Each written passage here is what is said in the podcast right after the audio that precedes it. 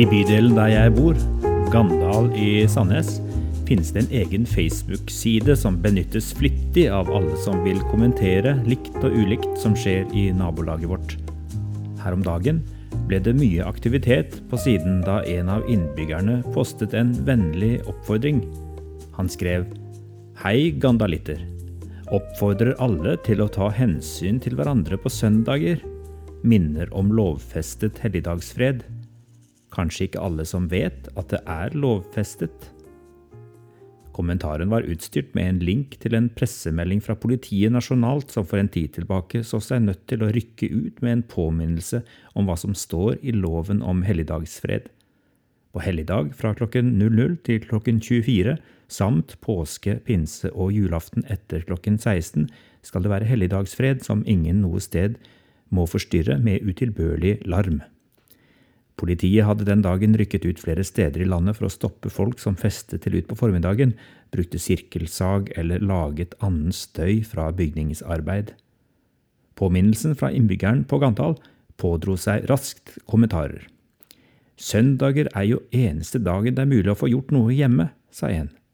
Gjerne på tide å gjøre noe med den loven i 2021, sa en annen. Når ellers er det mulig å få gjort ting i en vanlig hverdag? Holder med deg her at loven må endres, sa en tredje.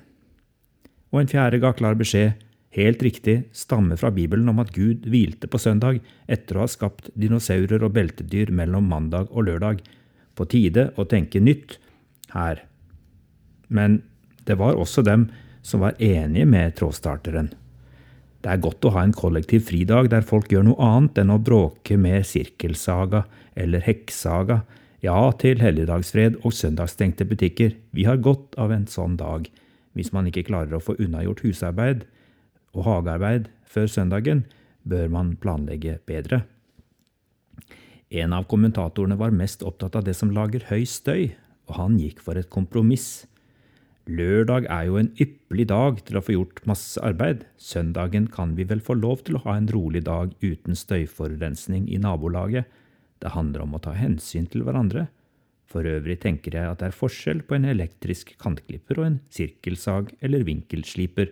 Jobb i vei på søndager, men unngå det som bråker mye. Den ganske så muntre meningsutvekslingen fikk meg til å tenke litt. Det er ikke så helt enkelt i dagens samfunn å holde fast på denne typen gamle tradisjoner, for de ble til under ganske andre vilkår enn i dag. For eksempel er det ikke helt riktig å fremstille det som at helligdagen er der for Guds skyld. Den er der for menneskets skyld, slik Jesus selv var nøye med å minne om. På den tiden jødene fikk sabbatspåbudet, var intensjonen ikke minst å beskytte fattige arbeidsfolk mot å bli utnyttet og tvunget til å jobbe hver dag i uka. På en måte er dette utdatert, fordi vi har så gode lover og regler som sikrer de aller fleste mer enn nok fritid hvis de vil. Likevel er det litt symptomatisk dette med at vi ikke føler vi har tid til å få gjort slike hjemlige sysler på andre dager enn søndag.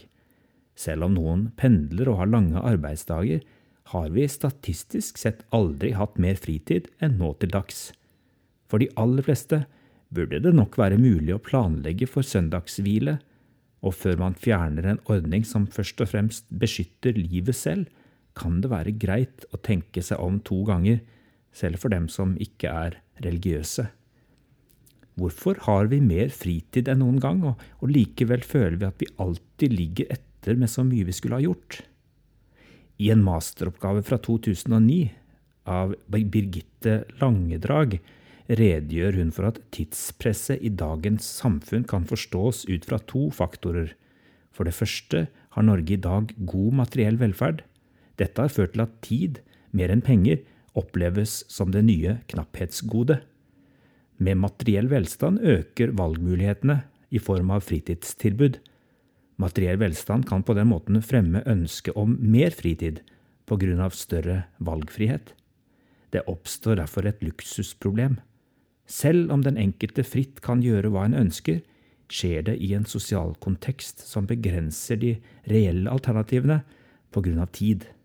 Til flere valgmuligheter en har, desto flere potensielle opplevelser går en glipp av. Og for det andre er arbeidstiden blitt friere av den nye teknologien. Arbeidernes kamp for åtte timer arbeid, åtte timer hvile og åtte timer søvn er i kontrast til en ny utvisket inndeling av dagen. I dag i arbeidslivet handler det i større grad om tidsfrister, og det spiller ingen rolle når på dagen man gjør arbeidet, så lenge det er gjort. Selv hører jeg til dem som strever med å overholde hviledager, fordi jeg som type ikke har lett for å skille mellom arbeid, fritid og hvile. Jeg hører til den generasjonen som elsker å multitaske, som det heter. Jeg kan hente energi både fra det ene og det andre. Og så lurer jeg kroppen til å tro at den ønsker og kanskje trenger å være aktiv og støyende selv når den egentlig roper etter hvile og stillhet. Derfor må vi kanskje gjenoppdage betydningen av den gode rytmen som de gamle lærte oss, der blant annet helligdagsfred var et gode for alle, ikke en tvangstrøye. I vårt samfunn er vi ikke så glad i å bli fortalt hva vi skal gjøre. Vi liker helst å velge selv og kjøre individuelle løsninger, for vi er jo så forskjellige, vi lever ulike liv, og har ikke de samme behovene som naboen. Slik må det kanskje i noen grad være. Men vi skal heller ikke glemme at det ligger en stor styrke i dette at storfellesskapet går sammen om å beskytte noen tider og steder for all vår travelhet, all vår støy og vårt høye aktivitetsnivå. Dypest sett handler det ikke om oss selv, men om å ta vare på hverandre og ta hensyn. Jeg ønsker deg en god helg, og håper du også kan få smake på helligdagsfreden og kjenne at den er nådetid for deg og dem du har rundt deg.